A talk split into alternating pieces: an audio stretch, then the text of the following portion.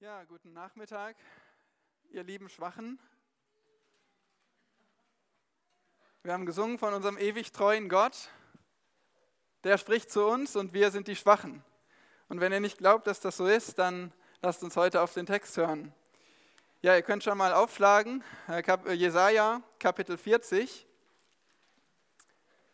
Daraus stammt auch dieses Lied, Jesaja Kapitel 40. Aber zunächst möchte ich euch von einem Mann erzählen, den ich kennengelernt habe und wo ich sicher bin, dass viele von euch ihn auch gut kennen. Josef ist sein Name. Er hatte allen Grund zur Verzweiflung. Einmal wurde er von seinen Brüdern, von seinen eigenen Brüdern gepackt und in ein dunkles, tiefes Loch geschmissen. Dann wurde er von ihnen verkauft in ein fernes Land mit 17 Jahren fern von der Heimat. Es ging weiter. Dort wurde er Sklave gehörte nicht mehr sich selbst, musste für einen Ägypter arbeiten. Er wurde zu Unrecht ins Gefängnis geschmissen. Im Gefängnis wurde er dann auch noch vergessen. Josef war angefochten zu verzweifeln. Aber was so beeindruckend ist, er hat dieses ganze Unrecht geduldig ertragen. Warum? Wie konnte er? Ein Muster, das wir in seinem Leben und seinen Reaktionen sehen, ist eine hohe Sicht von dem ewig treuen Gott. Bei Potiphar bzw. seiner Frau, wo er versucht wurde, da sagte er, wie könnte ich so gegen Gott sündigen?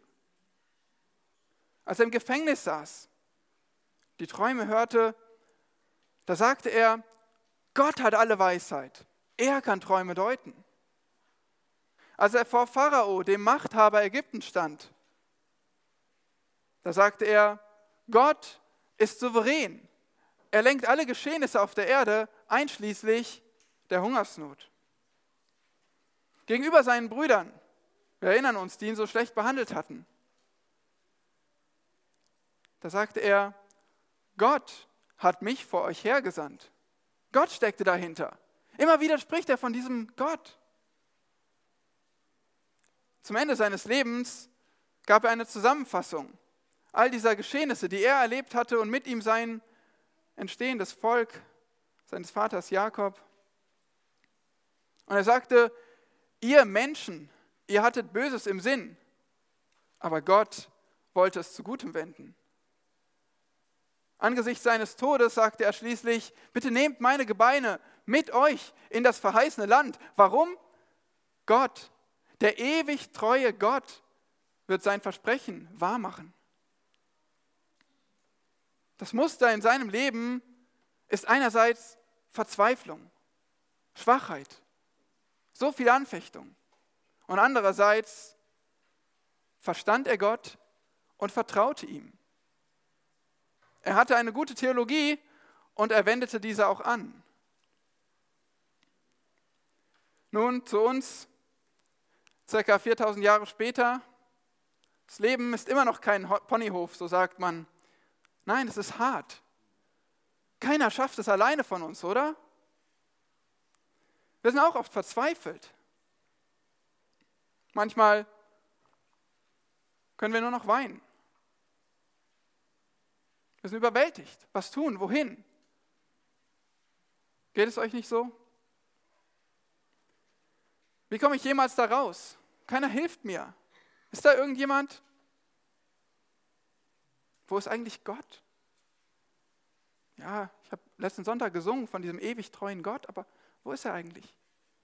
Versteht er mich? Weiß er eigentlich, was mir gerade geschieht und wie es mir geht? Warum lässt er das zu? Sieht er nicht, wie ich leide? Quälende Fragen in einem quälenden Leben. Aber der Predigtext ist heute für dich und mich. Gott antwortet und wie? In Jesaja Kapitel 40. Lasst uns zusammen beten. Unser Gott, du bist Gott und wir sind es nicht. Wir sind schwache Menschen.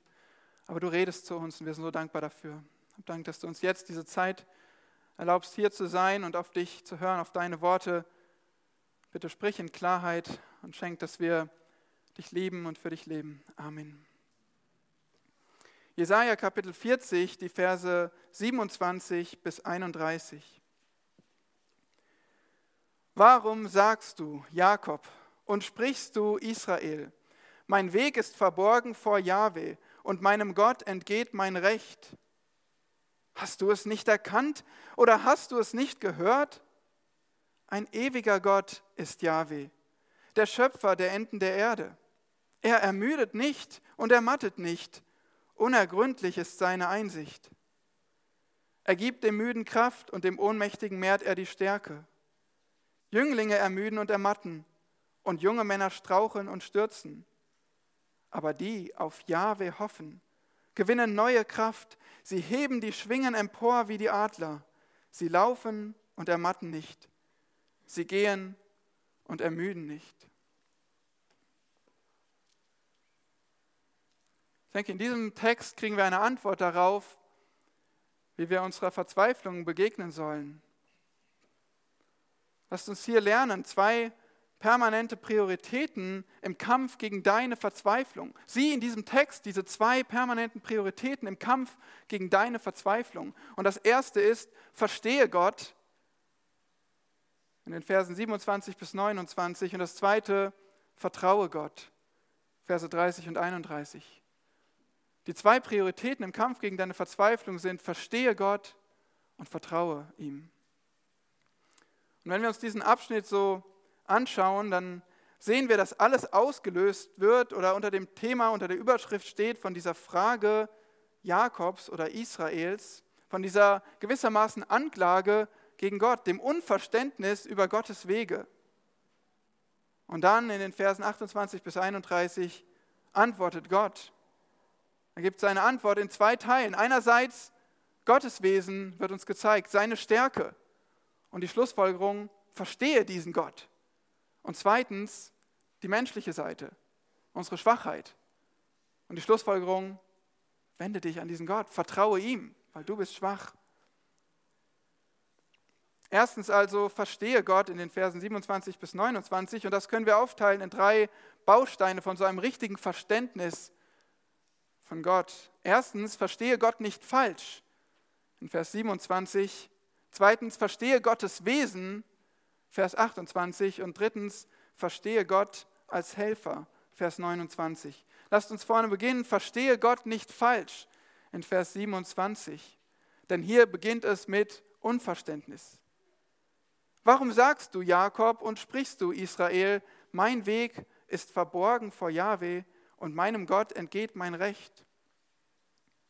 Hier wird sich also auf ein Reden von Jakob, von Israel bezogen. Das ist nicht die historische Person Jakob, sondern das ist das ganze Volk, das ganze Volk Israel. Und sie befinden sich, zumindest in der prophetischen Sicht Jesajas, im Exil, in der, in der Gefangenschaft, in Zerstreuung im Reich Babylon. Aber ihre Geschichte ist noch nicht vorbei. Der Hintergrund ist, Jesaja schreibt, oder Jesaja ist uns gut bekannt als Prophet im Alten Testament, wird auch der Fürst der Propheten genannt. Sein Dienst ereignete sich im, gegen Ende oder in der zweiten Hälfte vor allem des, siebten, äh, des 8. Jahrhunderts vor Christus.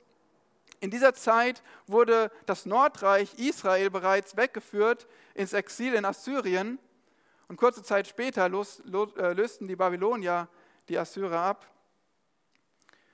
Und Jesaja spricht hier zu den übrig gebliebenen Juden, zum Südreich Juda, vor allem zu der Hauptstadt Jerusalem und den Führern dort. So lesen wir in Jesaja Kapitel 1, Vers 1, die Vision, die Jesaja, der Sohn des Amos, über Juda und Jerusalem geschaut hat in den Tagen von Usia, Jotam, Ahas, Hiskia, den Königen von Juda. Zu dieser Zeit also diente und sprach Jesaja. Der Zustand seines Volkes, der Juden, war schlimm. Wenn wir nur etwas weitergehen in, Kap in Jesaja 1, den vierten Vers, da spricht er Wehe, sündige Nation, schuldbeladenes Volk, Geschlecht von Übeltätern, verderbenbringende Kinder. Sie haben Jahwe verlassen, haben den Heiligen Israels verworfen, sie haben sich nach hinten abgewandt. Sünde, wo man nur hinschaute, unter Gottes Volk. Und was verdiente das? Immer wieder hatte er es vorher angekündigt. Gericht. Der heilige, gerechte Gott musste sie bestrafen und so gelangten sie schließlich auch in die Zerstreuung, weg aus ihrem Land. Aber immer wieder in der Botschaft Jesajas finden wir Gottes Gnade, Hoffnung, hoffnungsspendende Worte. Schon in den ersten Kapiteln oder der ersten Hälfte, aber vor allem dann ab Kapitel 40, dem Kapitel, wo wir heute unseren Text finden. Kapitel 40, Vers 1 geht es plötzlich weiter mit Tröstet, tröstet mein Volk, spricht euer Gott. Redet zum Herzen Jerusalems und ruft ihm zu, dass sein Frondienst vollendet, dass seine Schuld abgetragen ist. Denn es hat von der Hand Jahwes das Doppelte empfangen für all seine Sünden. Also der Prophet schaut voraus einerseits auf das Gericht, was sie verdienen, und andererseits auf Gottes Trost und seine Wiederherstellung. Und in diesem Abschnitt befindet sich unser Text heute. Also eine Botschaft der Hoffnung, eine Botschaft des Trostes, aber an ein Volk, das gedemütigt wurde, an ein Volk, das verzweifelt war, an ein Volk, das in der Gefangenschaft so den Mund aufmachen würde, wie es hier heißt. Es sagt und es spricht, mein Weg ist verborgen vor Jahwe und meinem Gott entgeht mein Recht.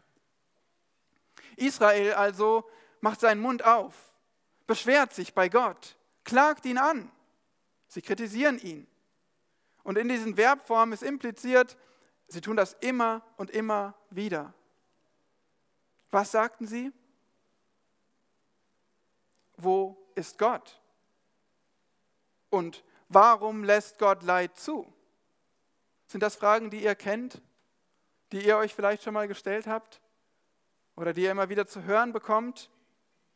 Gott ist ungerecht. Sie sprechen hier also zwei Dinge an. Erstens, mein Weg ist verborgen vor Gott. Gott sieht nicht. Gott kriegt nichts mit. Er weiß nicht mal, wie es mir geht. Er weiß nicht mal, wie schwer mein Leben ist. So fühlten sie sich fern von ihrer Heimat. Hast du schon mal so Gedanken gehabt? Gott sieht mich nicht. Die zweite Anklage, die sie aussprechen, ist, Gott entgeht mein Recht. Und hier finden wir dieses klassische Problem des Bösen. Warum passiert guten Menschen Schlechtes? Wenn wir etwas weiter lesen, dann, oder einfach nur in Jesaja habt ihr schon gehört, diese guten Menschen, vermeintlich guten Menschen, sind eigentlich gar keine guten Menschen. Aber zumindest geschieht Böses, da sind wir uns alle einig.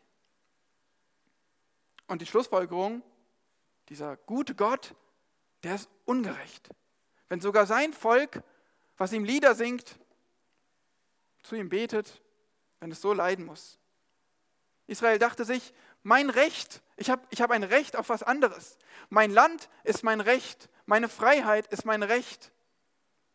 Und was ich hier erlebe, ist nicht recht. Ich verdiene etwas Besseres. Ja, ich verdiene ein besseres Leben als diese Heiden um mich herum in Babylon. Hast du schon mal gedacht, du verdienst etwas Besseres?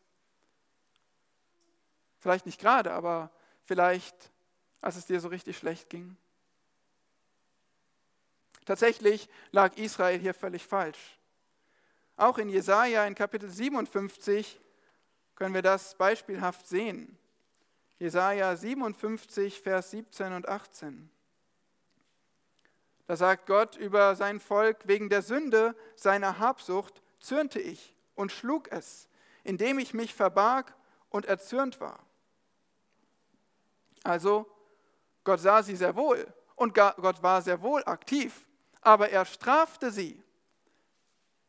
Weiter heißt es, doch es ging, das Volk ging abtrünnig auf dem Weg seines Herzens. Und Gott sagt, seine Wege habe ich gesehen und werde es heilen. Also Gottes Perspektive war eine völlig andere. Euer Recht entgeht mir nicht, aber euch geschieht Recht, weil ihr verdient Gericht. Und zweitens, ich sehe euch sehr wohl. Ich habe alles gesehen. Aber Israel hatte diesen falschen Blick auf seine Situation. Mein Weg ist verborgen. Nein, Er war Gott bekannt. Gott entgeht mein Recht.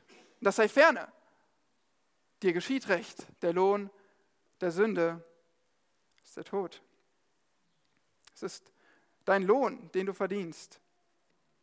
Und die Prophetien Jesajas beweisen uns das sogar auf eine eindrückliche Weise, weil Jesaja hat ja schon 150 Jahre vorher gewusst, was sie reden würden und hat schon genau da gewusst, Gott hat es schon da gewusst, was sie sagen würden, in welcher Situation sie sein würden. Also allein dieses Buch Jesaja ist ein Beweis dafür, dass Israel völlig falsch lag. Das Problem lag nicht bei Gott, das Problem lag bei Israel. Ihre Theologie haben sie gepackt und über Bord geworfen. Und sie waren nicht mehr da. Und so jammerten sie immer wieder. Aber sie sind nicht die Einzigen.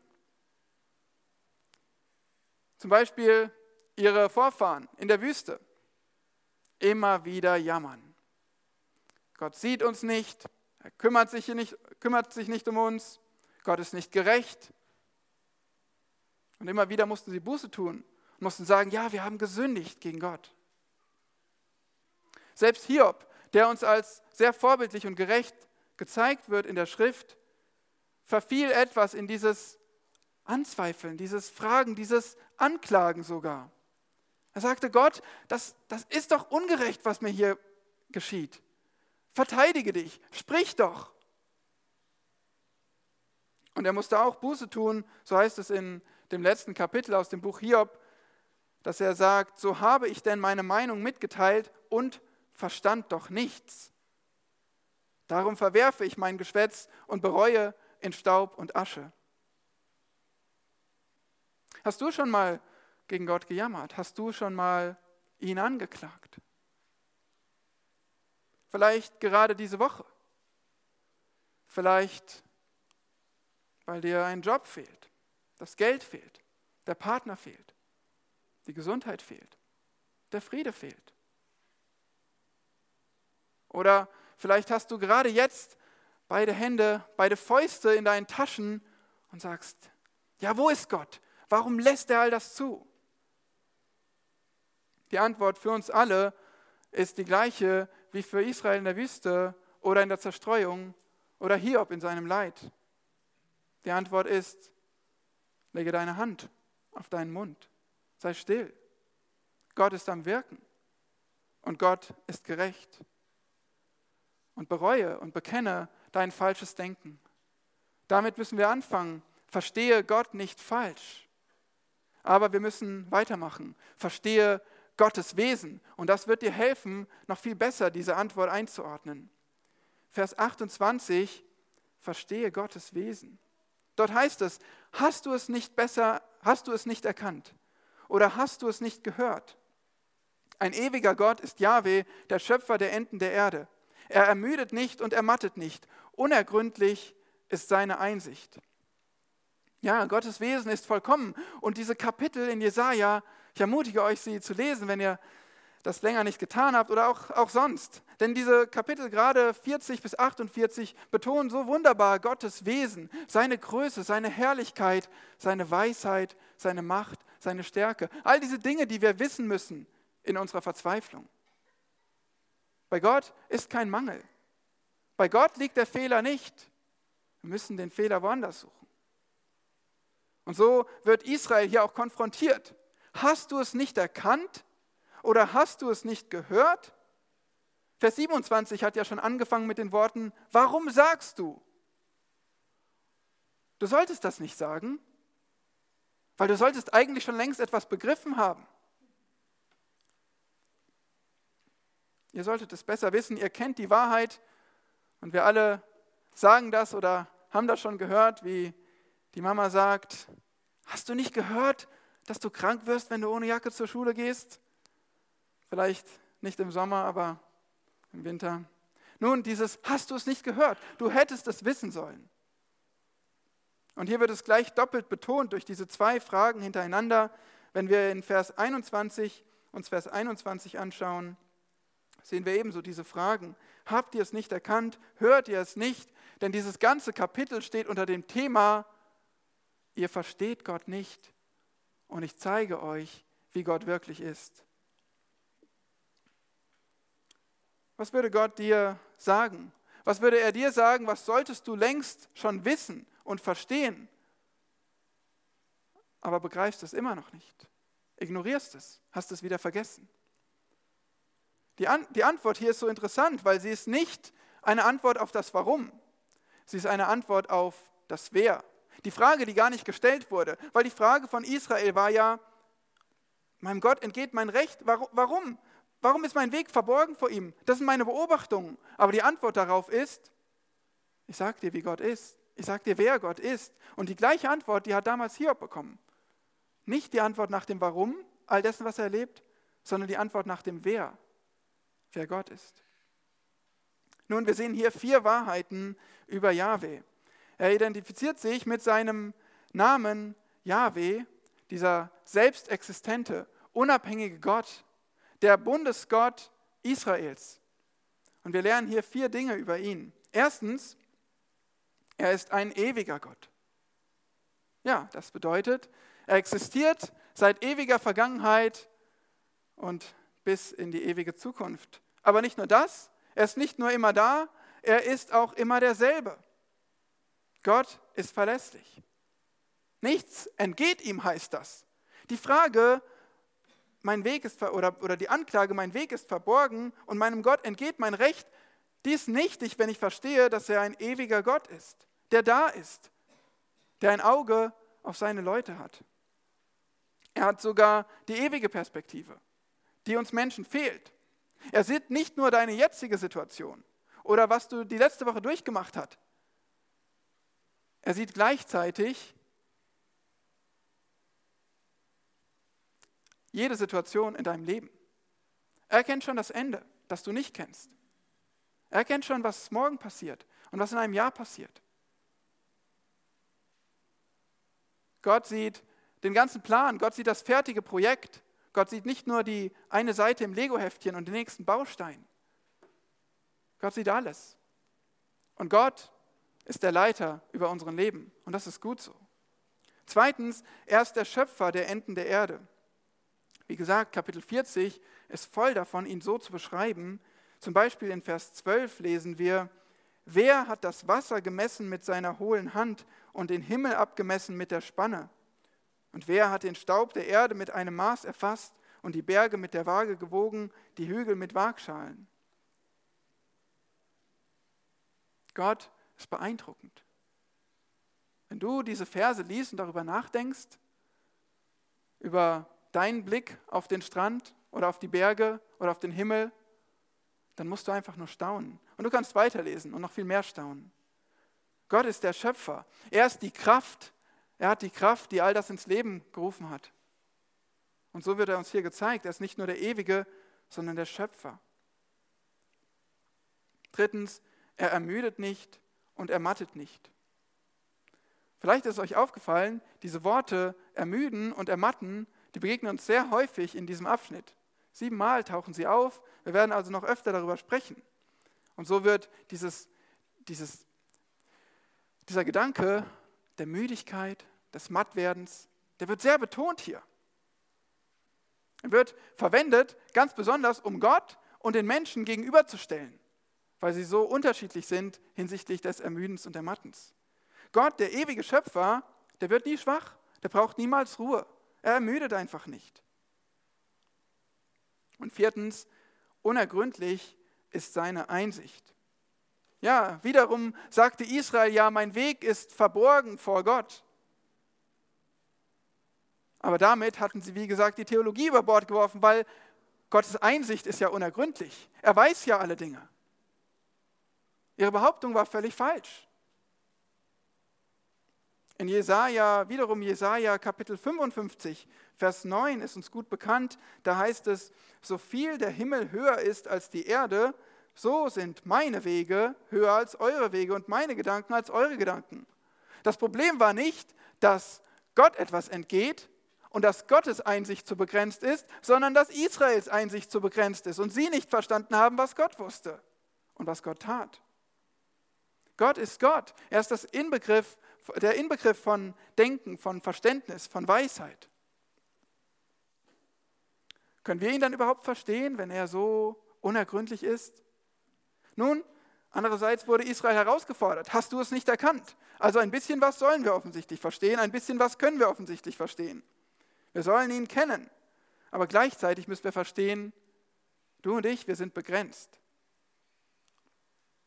Gott tut in diesem Moment zehntausende Dinge. Und du tust hoffentlich eine Sache, zuhören. Also Gott und wir, wir sind einfach so unterschiedlich. Seine Einsicht ist so unergründlich. Stell dir mal vor, da geht ein Vater mit seiner Tochter einkaufen. Sie müssen auch unbedingt was besorgen fürs Abendessen und ein bisschen Brot, Käse, Salat.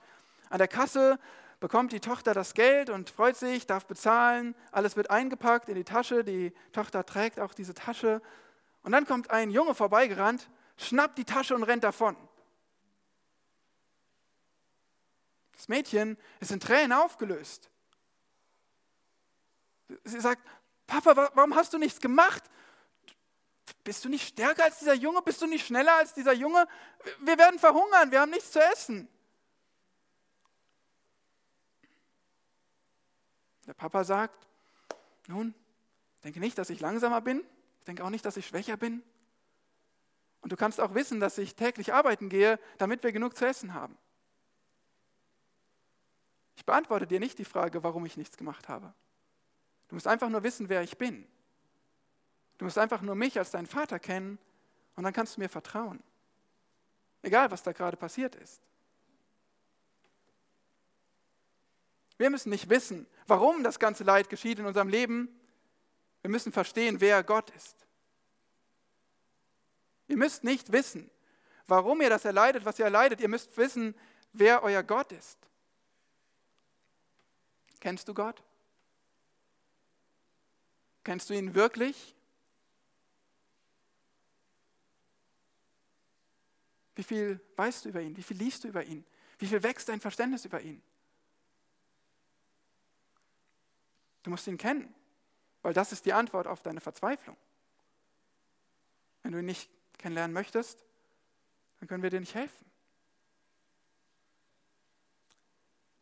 Drittens, verstehe Gott als Helfer. Hier ist die Hilfe zu finden. Statt Gott falsch zu verstehen, haben wir die Wahrheit über Gott gesehen in Vers 28. Und was er, wer er ist, ist untrennbar verbunden mit dem, was er tut. Und das sehen wir in Vers 29. Gott als Helfer. Er schämt sich übrigens nicht, Helfer genannt zu werden. Er nennt sich selbst so. Lest mal die Psalmen. Da lernt ihr übrigens auch sehr viel über Gottes Wesen. Und dort werdet ihr ihn immer wieder als Helfer finden. Zum Beispiel in Psalm 54, Vers 6. Siehe, Gott ist mir ein Helfer. Der Herr ist der, der meine Seele stützt. Also hier in Vers 29 heißt es, Gott gibt dem Müden Kraft und dem Ohnmächtigen mehrt er die Stärke.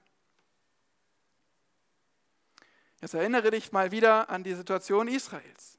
Dort in der Zerstreuung, sie litten, ihnen ging es tatsächlich schlecht. Auch du kämpfst. Und die Antwort ist deshalb so hilfreich, dass Gott den Müden Kraft gibt. Wieder finden wir dieses Wort müde. Wir haben gesehen in Vers 28, Gott selbst, er ermüdet nicht, er ermattet nicht. Aber es gibt offensichtlich müde Menschen. Und das wisst ihr, oder? Seid ihr müde? Hoffentlich jetzt noch nicht, aber irgendwann heute Abend wird die Müdigkeit einsetzen. Und dann könnt ihr euch wieder daran erinnern aber wahrscheinlich braucht ihr diesen Beweis gar nicht. Gott jedenfalls ist die Quelle von Kraft, von Hilfe, von Ermutigung. Und deshalb ist er deine Lösung. Gott ist nicht nur wunderbar, er tut auch wunderbare Dinge.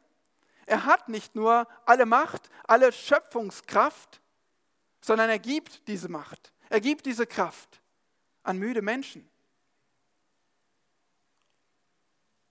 Die Verben hier betonen wieder Kontinuität. Kontinuierlich gibt Gott Kraft, mehrt er Stärke.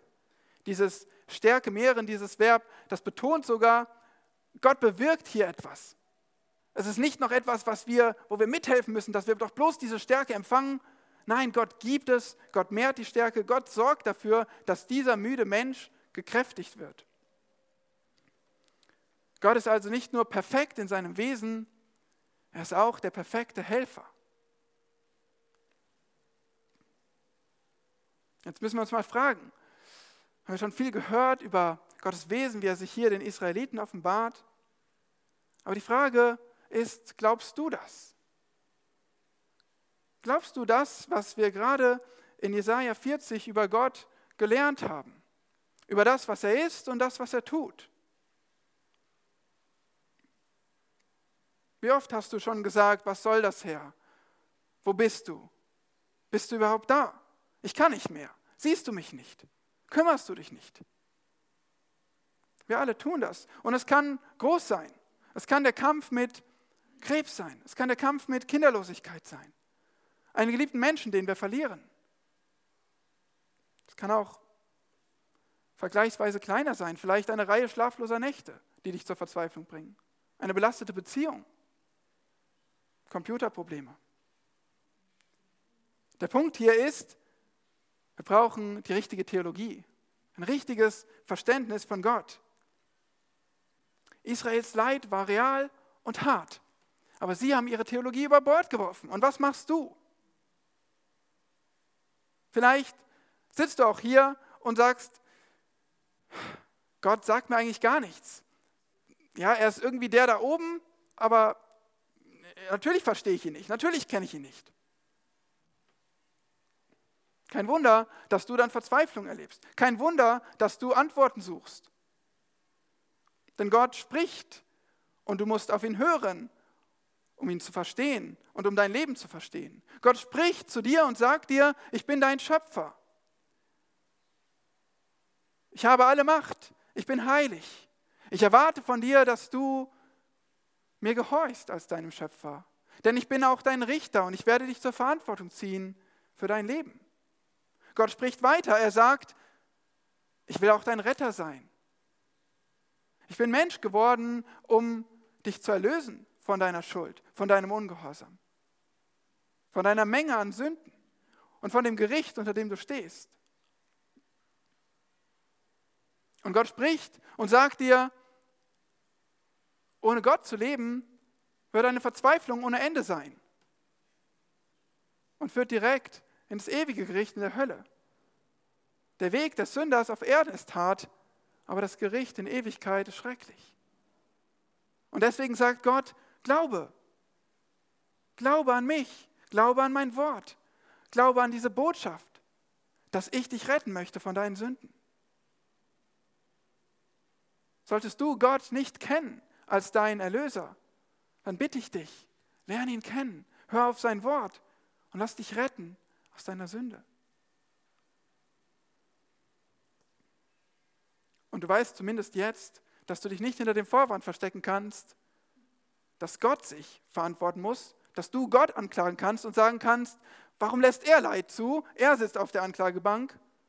Nein, Gott durch sein Wort dreht den Spieß um und sagt, du musst dich verantworten als Sünder vor ihm. Gleichzeitig, ihr, die ihr glaubt, ihr, die ihr erlöst seid von einer, eurer Sünde, kennt ihr Gott? Kennst du Gott?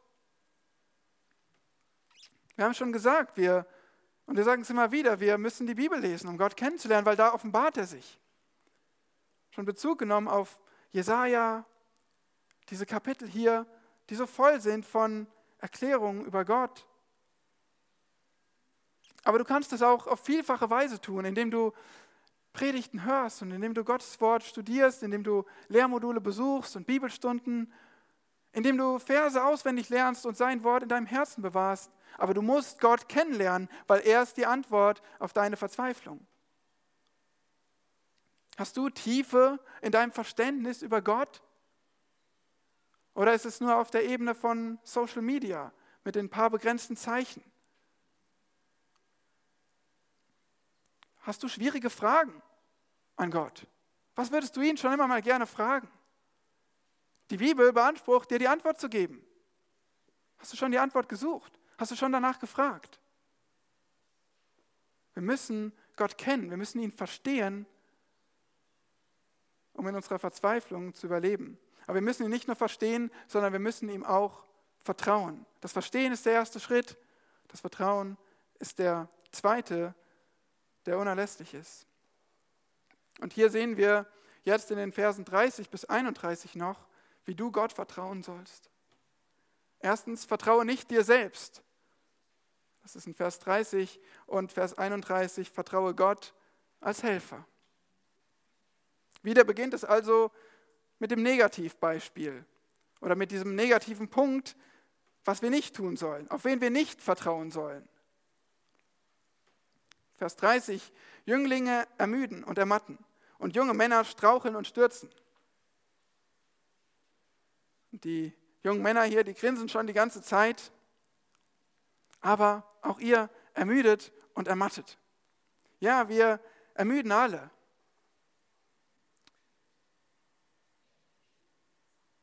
Der Unterschied ist, Gott ermattet nicht, aber wir Menschen schon. Und hier wird das sogar auf die größtmögliche Weise betont, weil die Worte, die hier mit Jünglinge und junge Männer übersetzt sind, die sprechen vor allem von dem Kontext von Sportlern und von Soldaten, von Athleten und von Kriegern, von denen, die die meiste Kraft und die meiste Ausdauer, das meiste Training haben sollten, die meisten Muskeln. Aber selbst die ermatten. Stellt euch diesen Sprinter vor bei Olympia. Oder vielleicht einer, der 100 Meter läuft, vielleicht einer, der 800 Meter läuft, 10.000, wie auch immer. Eines haben sie alle gemeinsam, wenn sie ihren Job richtig gemacht haben. Sie laufen über die Ziellinie und sie pusten. Sie stützen vielleicht die Hände auf die Oberschenkel, lehnen sich nach vorne, laufen ein bisschen, schütteln die Beine aus. Wenn ihnen dann jemand sagen würde, jetzt lauf die gleiche Distanz nochmal oder noch dreimal, dann würden selbst die durchtrainiertesten Sportler sagen, nein, ich habe alles gegeben. Ich bin jetzt gewissermaßen müde. Ich brauche erstmal eine Pause. Ich muss erstmal verschnaufen. Hier sind die Besten der Besten.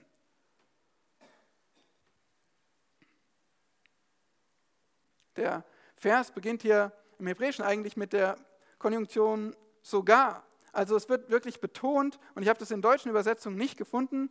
Falls ihr noch so eine habt, dann sagt mir Bescheid. Aber dieses sogar, das ist eigentlich wichtig, weil es zeigt uns hier, sogar Jünglinge und junge Männer, die ermüden auch, die ermatten auch. Denkt ja nicht, dass ihr euch ausnehmen könnt. Denkt ja nicht, dass ihr es alleine schaffen könnt. Weil der Punkt hier ist, jeder Mensch ist begrenzt. Und jeder Mensch sollte nicht auf sich selbst vertrauen. Es wird sogar noch deutlicher, wenn wir die letzten Worte anschauen. Sie, diese jungen Männer, die straucheln und stürzen. Wörtlich, sie straucheln zu straucheln. Es wird dieses Wort, dieses Verb doppelt verwendet und soll einfach den Punkt machen, sie, sie fallen sogar hin. Sie sind nicht nur am Stolpern, sie sind nicht nur ziemlich kaputt, sondern am Ende liegen sie auf dem Boden. Ihr braucht keine Beweise, dass eure Kraft begrenzt ist, oder? Oder stellt euch mal vor, in dieser Laufbahn, wo ihr diese Distanz sprinten müsst, oder monatelang im Krieg, wo ihr durchhalten müsst. Ja, wir würden alle an unsere Grenzen kommen. Aber wir kommen das schon viel früher. Brauchen nur unsere Arbeitswoche nehmen, brauchen nur drei schlaflose Nächte nehmen, brauchen nur die Schmerzen, die chronischen Schmerzen im Knie oder im Rücken nehmen. Irgendjemand zweifelt, dass wir ermüden und ermatten. Nicht nur unser Körper ermüdet, auch unser Gehirn. Wenn wir den ganzen Tag unseren Aufgaben in der Buchhaltung nachgehen oder der Menschenführung, des Kundenservice und der Programmierung oder sogar der Seelsorge. Wir werden müde, wir ermatten. Und dann kommt noch da unser geistlicher Kampf hinzu. Macht der euch müde? Ganz schön, oder? Also, das Fazit ist, du brauchst kein Selbstvertrauen. Wenn du auf dich selbst vertraust, dann bist du zum Scheitern verurteilt. Vertraue nicht dir selbst. Es ist so trügerisch. Es ist das, was uns die Welt einredet, aber es ist so trügerisch. Weil Gott sagt dir, du bist schwach, nimm es an. Du kommst nicht alleine klar. Noch schlimmer, Jeremia 17, Vers 5, verflucht ist der Mann, der auf Menschen vertraut und Fleisch zu seinem Arm macht. Es geht auch weiter. Und dessen Herz von Jahwe weicht. Verflucht ist dieser Mensch, der auf sich selbst vertraut und nicht auf seinen Gott. Also, vertraue nicht dir selbst, sondern vertraue Gott. Und das sehen wir im letzten Vers 31. Aber die auf Jahwe hoffen, gewinnen neue Kraft. Sie heben die Schwingen empor wie die Adler. Sie laufen und ermatten nicht. Sie gehen und ermüden nicht. Hier ist das erlösende Aber. So niederschmetternd wie Vers 30 ist für uns alle. So ermutigend ist Vers 31. Aber da gibt es Hoffnung. Die auf Jahwe hoffen, gewinnen neue Kraft. Das Wort hier hoffen oder auch harren in Luther und der Menge kommuniziert ein, ein Warten, aber ein Warten mit einer Erwartungshaltung. Ein Warten mit Gewissheit, hier passiert was. Was ist das für eine Gewissheit? Es ist ein Warten in Abhängigkeit von Gott. In der Gewissheit, dass da ein Gott ist, der wirkt. Es ist ein Warten mit Zuversicht, dass Gott das Beste machen wird und dass es daher keinen Grund zur Sorge gibt. Diese Haltung ist der Schlüssel.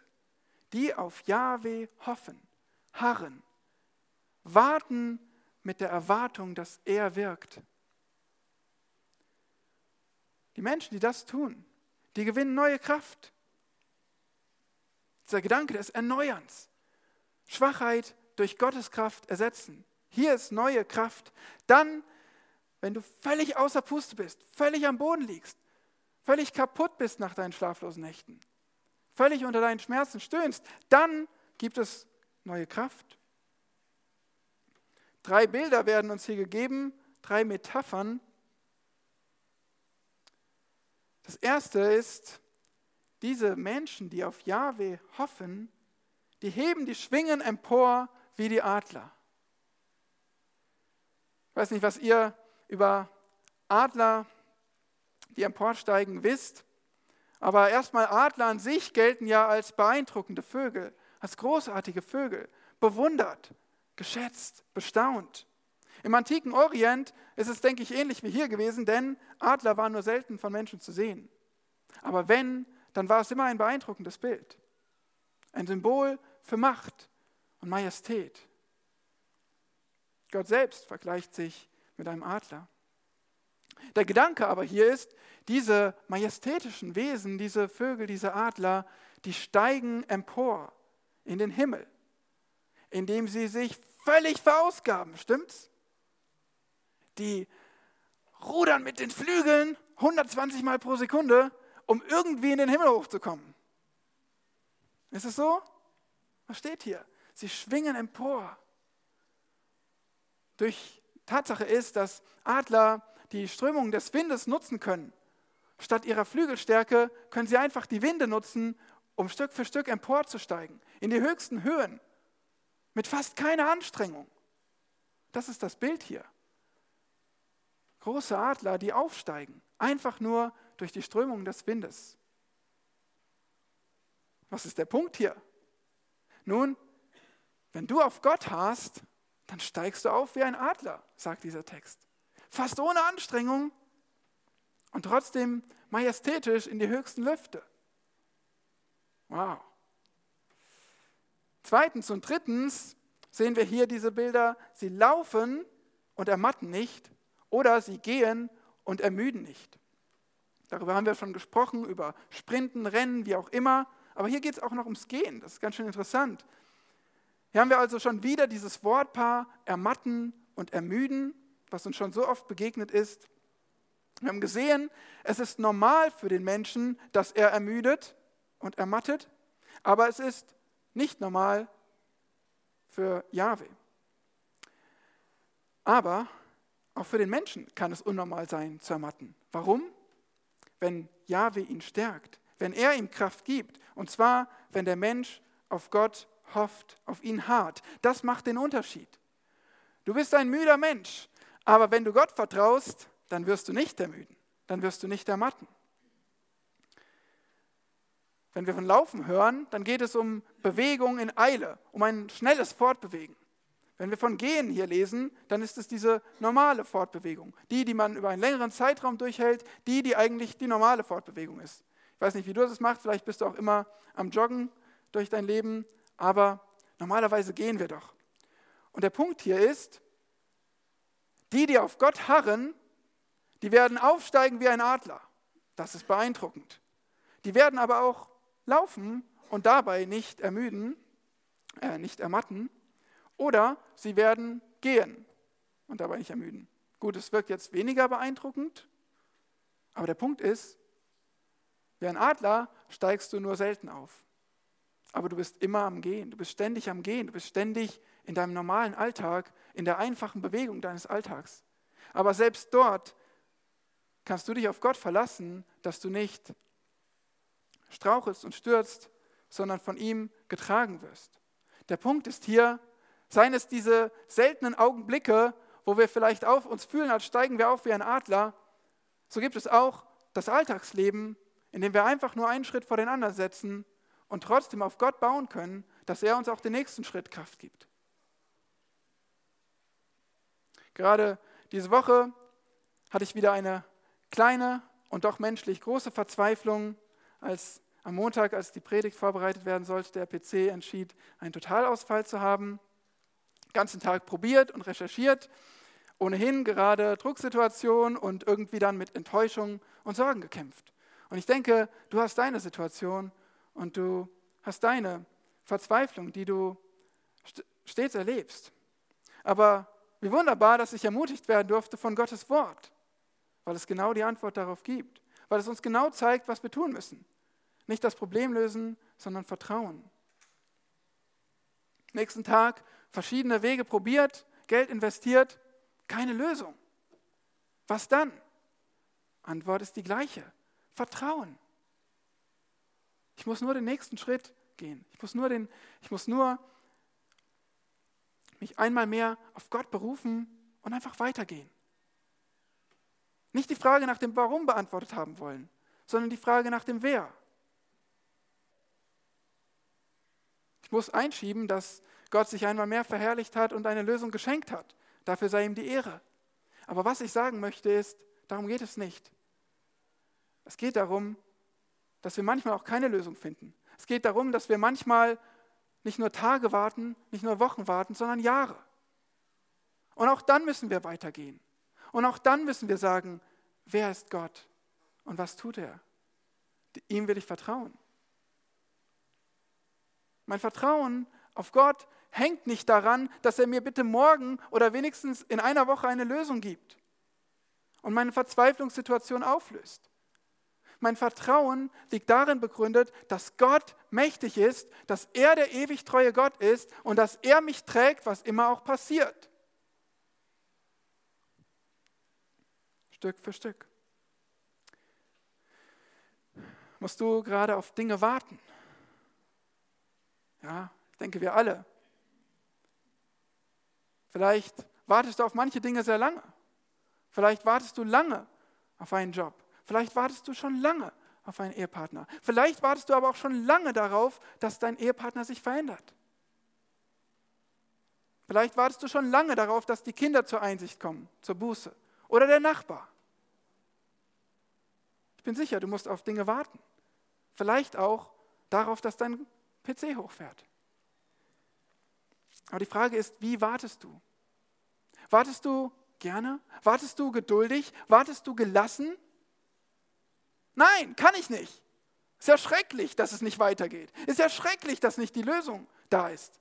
Ist ja schrecklich, dass meine Probleme nicht sofort gelöst werden. Meine Verzweiflung wird ja nicht weggenommen.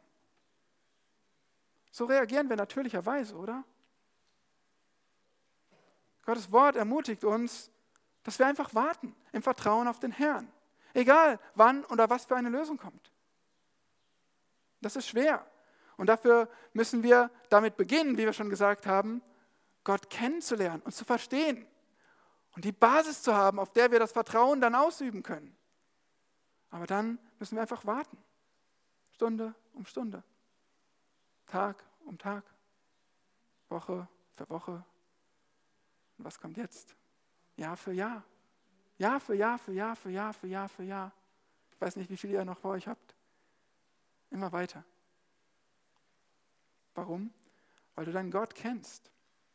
Und so haben wir gelernt, es gibt zwei Prioritäten im Kampf gegen deine Verzweiflung. Das erste ist, verstehe Gott und das zweite, vertraue ihm. Und beide gehören zusammen. Und beide musst du kontinuierlich ausüben. Verstehe ihn, vertraue ihm. Verstehe nicht falsch. Sei nicht selbstbezogen und stolz. Jammere nicht und sag nicht, er hätte dich vergessen. Wirf deine Theologie nicht über Bord. Verstehe sein Wesen, wie er es offenbart. Verstehe ihn in seinen herrlichen Eigenschaften, in seiner Macht und seiner Weisheit. Verstehe Gott als Helfer, der gerne gibt, der dich sieht und dich trägt. Und dann vertraue ihm, solange wie es dauert. Vertraue nicht dir selbst, sieh deine Begrenzung, sondern vertraue Gott, deinem Helfer. Er wird dich stärken, so wie es nötig ist. Das verspreche ich dir. Warum? Weil die Bibel es dir verspricht. Gott sagt es, dass wenn du auf ihn hast, dass er dich trägt. Kein Aber, kein Wenn. Vertrau auf Gott und er trägt dich. Also, ich bete dich, dass du dich immer weiter mit der Bibel füllst, mit Gottes Wort und ihn kennenlernst, ihn verstehen lernst und dadurch die Antworten findest. Nicht in deiner Situation, sondern in Gottes Person. Hab deine Theologie parat für den Sturm und wirf sie nicht über Bord, wenn es kommt. Schalt nicht in der Verzweiflung alles ab und gib dich nur deinen Gedanken hin, sondern gerade dann renn zu Gott und erinnere dich an das, was du über ihn weißt. Und dann warte richtig. Nicht sündig, selbstzentriert, sondern im Vertrauen auf Gott geduldig, immer weiter. Über Zuversicht, weil du ihn kennst. Gib deine Verzweiflung an Gott ab. Das ist keine Lebenshilfe, sondern das ist Wahrheit. Das ist Gottes Wort an dich und mich. Der Prediger Phillips Brooks aus dem 19. Jahrhundert hat er gedient. Der schritt eines Tages seinen Flur auf und ab. Wie ein eingesperrter Löwe nahmen die Leute ihn wahr und er lief hin und her. Und ein Freund fragte ihn, Dr. Brooks, was ist das Problem? Dr. Brooks gab eine weise Antwort.